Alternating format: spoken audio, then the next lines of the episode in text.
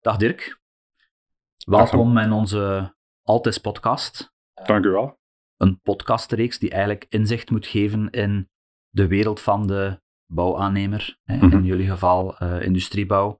Ehm, ja, belangrijk om die fases in, in verschillende podcasts te gaan, eh, te gaan belichten. We gaan dat vandaag ook doen. Hè. Vandaag gaan we met jou praten over het verloop van een bouwproject. Ehm, maar voordat we daar naartoe gaan, voor de mensen die luisteren, ehm, misschien kort even, wie is Dirk en eh, wat is jouw rol binnen Altis? Oké, ik ben eh, Dirk Huygen. Ik ben mede-eigenaar van onze bedrijven en eh, ik zit dus ja, in het dagdagelijks bestuur. Ehm, en ik focus mij vooral op het stuk dat gebeurt nadat een project verkocht is. Dus alles wat voorbereidende werken aangaat, realisatie opwerven en ook vooral de structuur van ons bedrijf zelf. Ja. Dus zorgen dat de machine draait, zodat de gebouwen er effectief ook komen. You make it happen. Zo ongeveer. Met het team dan. Met het team. Ja, voilà, voilà, Ja, absoluut, ja, absoluut. Zeker, zeker. En hoe, hoe moet ik me dat voorstellen, Dirk, een doordeweekse dag? Hè? Waar ben jij dan mee bezig? Heel divers. Die is meestal anders s'avonds dan dat ik 's morgens had gedacht.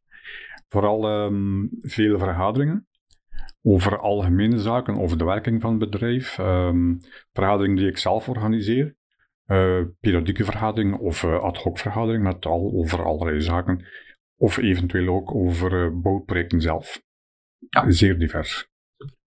En hoe lang bent u actief binnen Altis dan? Ja, mede-eigenaar, dus hoe, hoe lang ben jij actief al binnen Altis? Ik ben eigenlijk in de sector zelf al actief van, vanaf mijn afstuderen. Dus ondertussen al 35 jaar. Ja. En ben altijd eh van in de beginperiode 28 jaar. Dus ja. Ik heb al een aantal mensen gesproken en het is wel typisch dat hier mensen met heel wat ervaring in deze organisatie, of die toch lang bij de organisatie blijven. ja, we hebben eigenlijk heel weinig verloop. Ja, dat zegt veel natuurlijk. Hè. Ja, iets waar je ook dagdagelijks aan werkt. Hè. We proberen met dus, eh, we hebben een heel hechte club van, eh van de vernoten en directie. En wij proberen dat ook zo verder door te dragen naar ons personeel.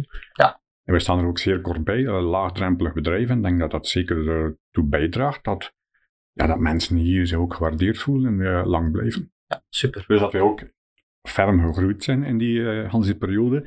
Dat er dus ook voor ons personeel heel veel doorgroeimogelijkheden zijn. Ja. Ja. En dat helpt uiteraard ook voor hun eigen ontwikkeling, voor het feit dat ze dan bij ons blijven. En die kansen krijgen en grijpen. Ja, uiteraard, ja. Ja, super.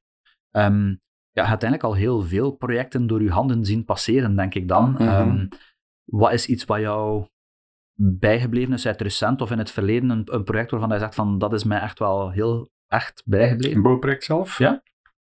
Ehm, wel, uiteraard, meestal nogal snel de, de grotere projecten. Maar eigenlijk wat ik eh, misschien nog belangrijker vind, en zeker in de industriebouw, dat is ehm, als, een, als een gebouw ook echt mooi is. Dus als het, als eh, het esthetisch ook belangrijk wordt, ik vind, als nu als eh, bedrijf een gebouw zetten, dat heeft toch ook iets te maken met het imago dat je wilt uitstralen. En als ze dan een zeer mooi gebouw zetten, dan vind ik altijd wel leuk. Maar wat mij ehm, dan qua uitvoering het belangrijkste of het meest bijblijft, dat is de verlenging van de skipiste in Peer. Dat was eigenlijk toch wel eh, heel spectaculair met de gigantische kranen om die verlenging op een grote hoogte, die zeer windgevoelig was, om dat te monteren. Ja, En dat is perfect gelukt, dus dat was echt, eh, ja, daar ben ik toch wel fier op. Dat onze medewerkers dat zo goed hebben voorbereid. Ja, het is wel leuk om naast ja, de meer klassiekere projecten, Ja, ja. waar je er heel veel van, Ja. van laat passeren door je handen waarschijnlijk, dat je zegt van dit is toch wel iets unieks geweest dat we daar gerealiseerd Dat was hebben. speciaal, ja, zeker. Ook voor het team waarschijnlijk wel eh, tof. Ja, ja. Dat was, eh, ja, dat was een grote uitdaging en het leuke was dat het ook eh, perfect paste. Want dat was eh, zeer uitdagend, omdat dat moest op hele hoge hoogte en de grote modules naar boven getrokken worden en dat was Ja. perfect. Dus, ja. Hoe lang is dat geleden? Ik denk een jaar of vier, denk ik. Ah, dat is redelijk recent eigenlijk. Ja, ja, ja. ja. Heel mooi. Super, mensen kennen jou nu al een beetje. Ehm, Misschien wel, ja. over het topic zelf. Hè? Dus we gaan vandaag het hebben over ja, hoe verloopt een bouwproject. Eh, we hebben met Geert al gepraat over eh, het commerciële stuk, hè, tot Ja. aan het tekenen van een, eh, van een contract. Ehm, wat gebeurt daarna? Hè? Dan komt het project eh, met een contract binnen. Wat moet ik mij daarbij voorstellen? Hoe loopt het proces ehm, in grote lijnen? Nou, het eerste wat eigenlijk gebeurt, dat is het toewijzen van een team. Dus wij kijken binnen ons personeel. Dus ehm, aan welk team we dat gaan toewijzen, dat project. Uh, dus het uitvoerend team. En dan houden wij rekening met de regio, dus de ligging van het project. Ook met de moeilijkheidsgraad van het project. En um, dan kijken we ook, voor zover het mogelijk is, in hoeverre dat dat team dan ook matcht met de klant zelf. Ja. Wat toch wel belangrijk is, we hebben daar een handstrijk mee af te leggen. En um, als die persoonlijkheden goed op elkaar afgesteld zijn, is dat toch wel uh, een pluspunt. Dan hebben we het, het intakegesprek, waarbij de informatie overgaat van het verkoopsteam naar het uitvoerende team. En daar wordt er onmiddellijk al een doorloopplanning gemaakt. Dat we een beetje weten dus hoe lang een project duurt en uh, worden de milestones vastgelegd.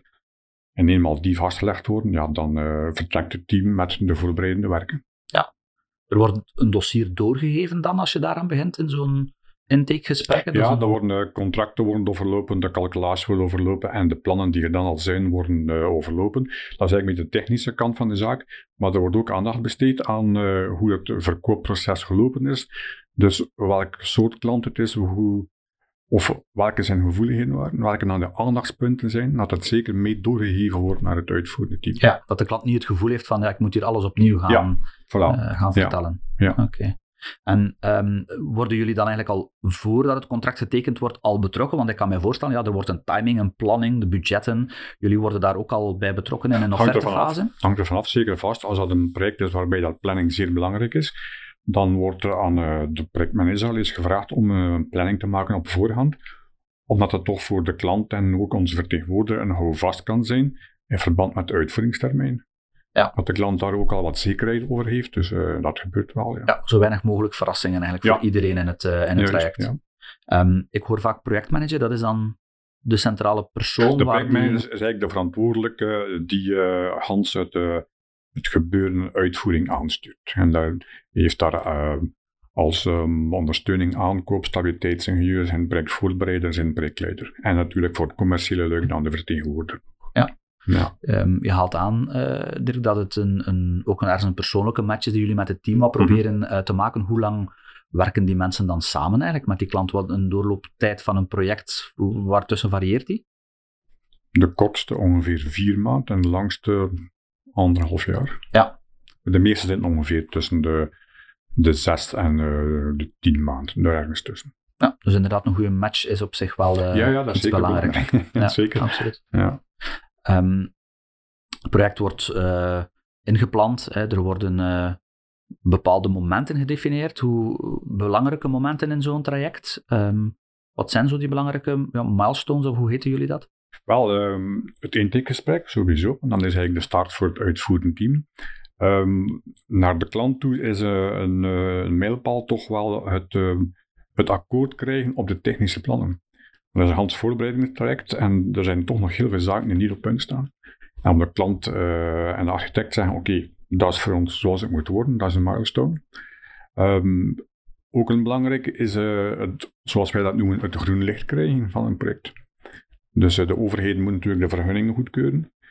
Dat is ook niet altijd Ja. even eenvoudig, dus dat Ja. kan al eens langer duren dan voorzien. Plus eh, ja, het financiële luik moet natuurlijk ook in orde zijn. En als deze beide in orde zijn, dan krijgt het project bij ons groen licht en dan Ja. kan de productie starten. Ja.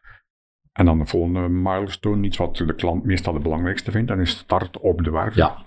Dat vindt hij het leukste. hè. En daar focust hij zich ook nogal op. Een eerste steenlegging. Voilà. Ja. Ja. En, dan gaan we tot, op, tot En de dan is het op het oplevering. einde, de oplevering is eigenlijk ja, quasi de laatste milestone. En er zijn meestal nog een aantal tussenfasen Mhm.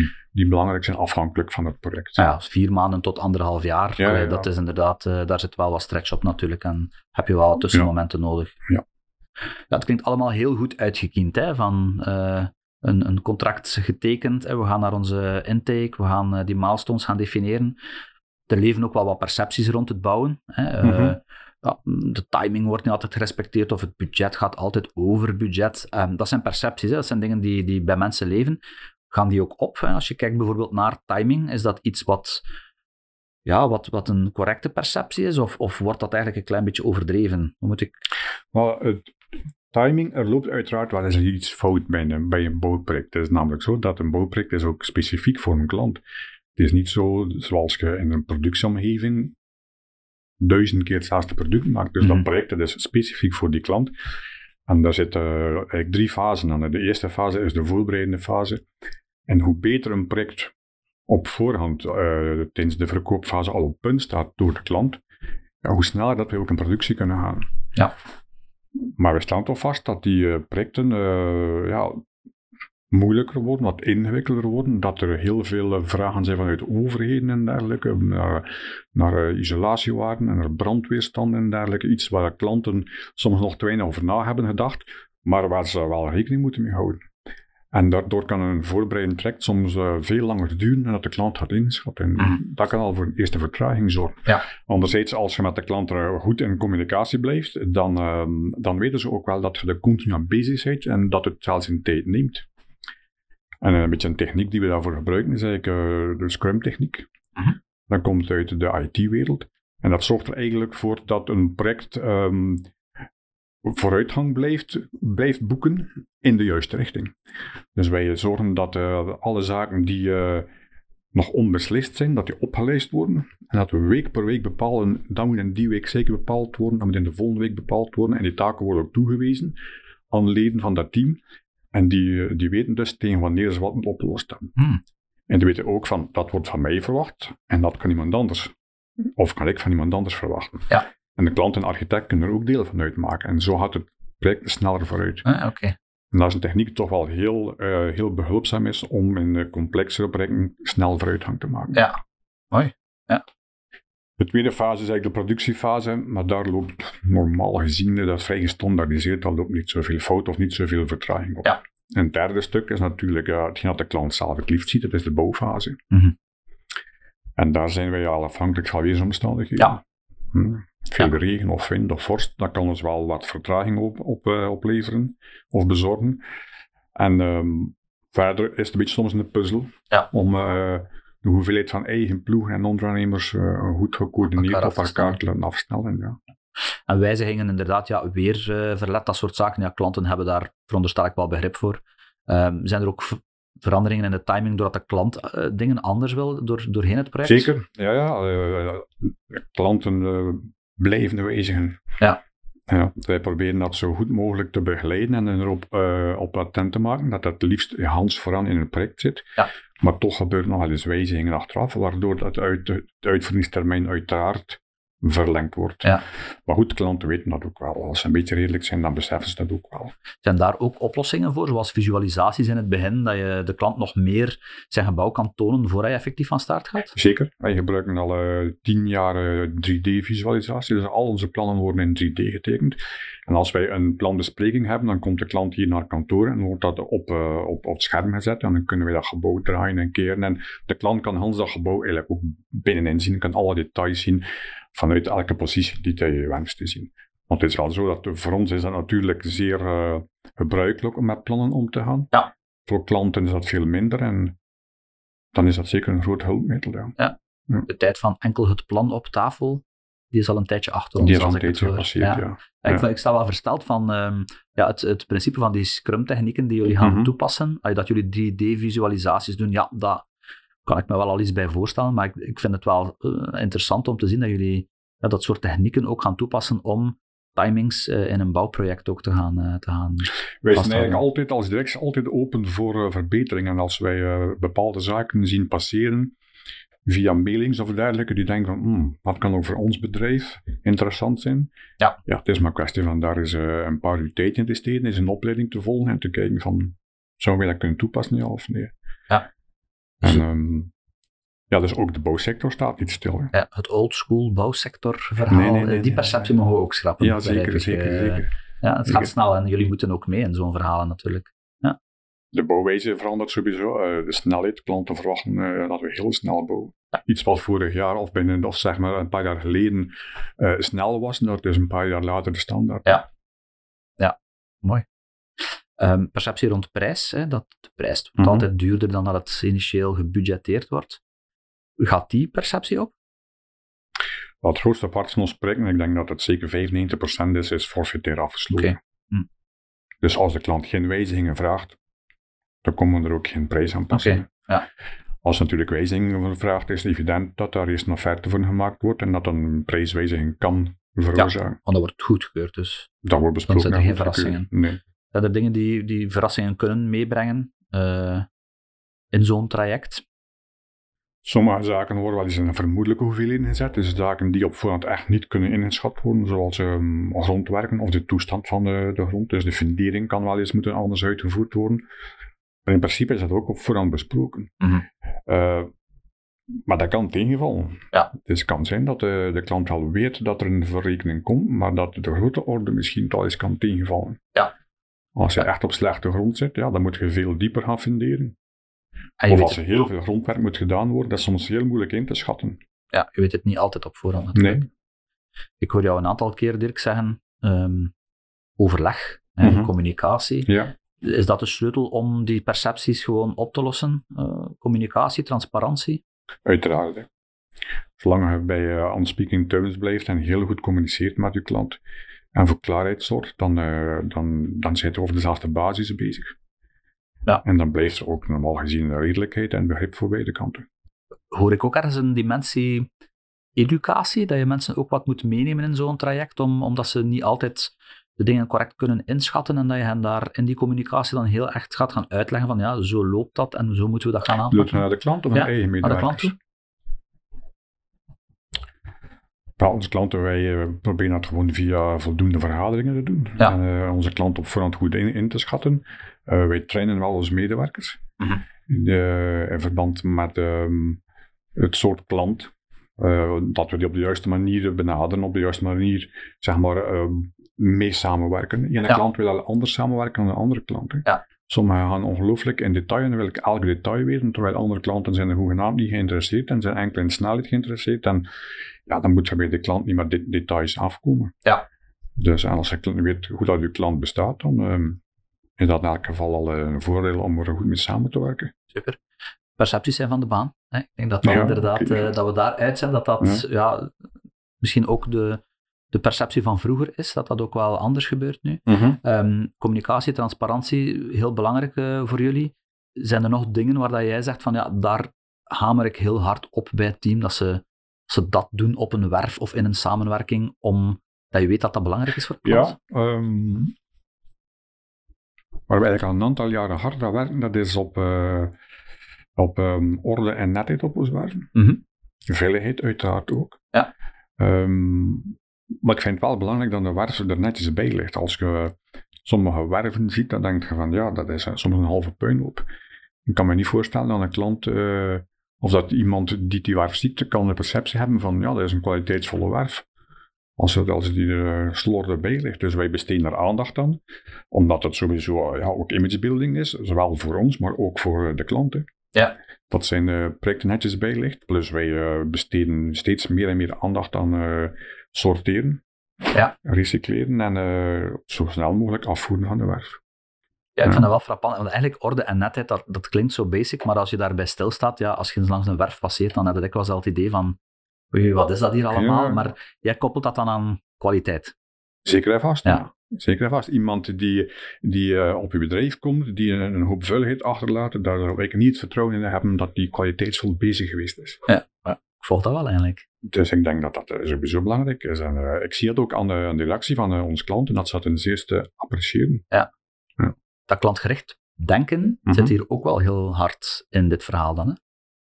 Uiteraard, uiteraard. Van begin tot einde zijn wij met uh, ons, ons klant bezig. Want dat is finaal wel het doel. Hè. Mm -hmm. Eigenlijk hebben wij drie doelen. Dat is ten eerste zorgen dat uh, onze klanten tevreden zijn. Tweede, dat onze medewerkers tevreden zijn. Mm -hmm. En derde, dat we eigenlijk rendabel zijn. Ja. Ja. Maar het eerste blijft sowieso klanttevredenheid. Ja. En dat is die mentaliteit die we inst installeren uh, bij al onze medewerkers. En noemt het dan customer delight. Wij willen niet een klant die delighted is op het eind van de rit. Ja. En uh, wij trainen ons mensen daar ook in. Okay. Dus om, uh, om die mentaliteit te hebben, zowel, zowel bij uh, ons, ons verkoop uiteraard, maar ook bij onze projectmanagers, projectleiders, maar evenzeer bij onze monteurs. Ja. ja, iedereen wordt van die ja. klantenfocus doordrongen. Zeker en vast, ja. ja. ja. Mooi. Sterk. Allee, opnieuw, ja, misschien niet iets wat je direct bij een, een bouwonderneming zou gaan uh, verwachten. Scrum technieken, customer delight trainingen. Um, zijn er zo nog dingen die mij kunnen verrassen, waar jullie mee bezig zijn om uh, het verschil te maken met Altes? Um, ja, misschien wel. Eigenlijk is het zo dat um, dat een bouwproject dikwijls wat afgeschilderd wordt, of de perceptie gelegd wordt dat het uh, een, een moeilijk traject is, dat dat voor frustratie zorgt bij de klant. Ja. En, of ja, sowieso een, een, een, moment of een, een, periode van veel spanning, maar eigenlijk hoeft dat zo niet te zijn. Ja. Dat mag eigenlijk zo niet zijn. Ja. Maar gezien is zoals een klant bouwt, ja, dan dat is vernieuwing, dat is evolutie, dat is dat is vooruitgang voor zijn bedrijf. En als hij dan dat gebouw zet, dan moet eigenlijk een, uh, een positieve periode zijn. Ja. Zeer aangenaam. En dat is wat wij ook willen brengen. En vandaar een beetje onze slogan ook. It's great to build. Ja. Dat moet met plezier gebracht worden. En in die zin uh, begeleiden wij onze klanten er ook zo goed mogelijk in. En hebben we een beetje een vier-letterwoord ervoor. Dat is prik. En als onze medewerkers dus op die vier domeinen zeer goed scoren, dat is het eerst op planning, op rendement, op imago en kwaliteit. Ja, planning spreekt voor zich. Ja. Het moet binnen termijn opgelost zijn of gebouwd zijn. Rendement, uh, het is voor ons bedrijf uiteraard positief, maar ook voor de klant. Ja. Er is geen enkele klant die wil dat er um, tijd verloren gaat of materiaal verprutst wordt op zijn werf. Absoluut niet. Ja, ja en imago, dat heb ik al verteld, voor de netheid, de veiligheid, een beetje public relations. Dat is voor de klant belangrijk, dat ze een werf uh, presence heeft en voor ons ook. En kwaliteit spreekt voor zich. Dus als onze medewerkers op die vier domeinen uh, de nodige aandacht geven, dan komt het wel goed. Wordt dat dan als concept echt actief over gepraat binnen de organisatie? Zeker Iedereen weet waar dat, prik dat voor leeft staat. hier al jaren. Ja. Ja. Zelfs als een sollicitant uh, binnenkomt, dan spreek ik hem erover aan. Ja. Ja, super. Dus dat bleef ook wel hangen, ja. Mooi. Ja. Ik heb toch heel wat dingen bijgeleerd vandaag. Ja. Dus, uh, Met ik, had, ik had zelf wat percepties, maar die zijn ondertussen wel, uh, Ja. wel volledig weg. Nee? Super. Um, ja, ik zou zeggen, dank u wel Dirk voor uw tijd. Ik denk dat het uh, zeer boeiend was. Ik denk dat er wel een aantal heel leuke Mhm. insteken teruggekomen zijn. Um, en dat we hiermee kunnen de podcast afsluiten. Oké, graag Super. gedaan. Dank u wel.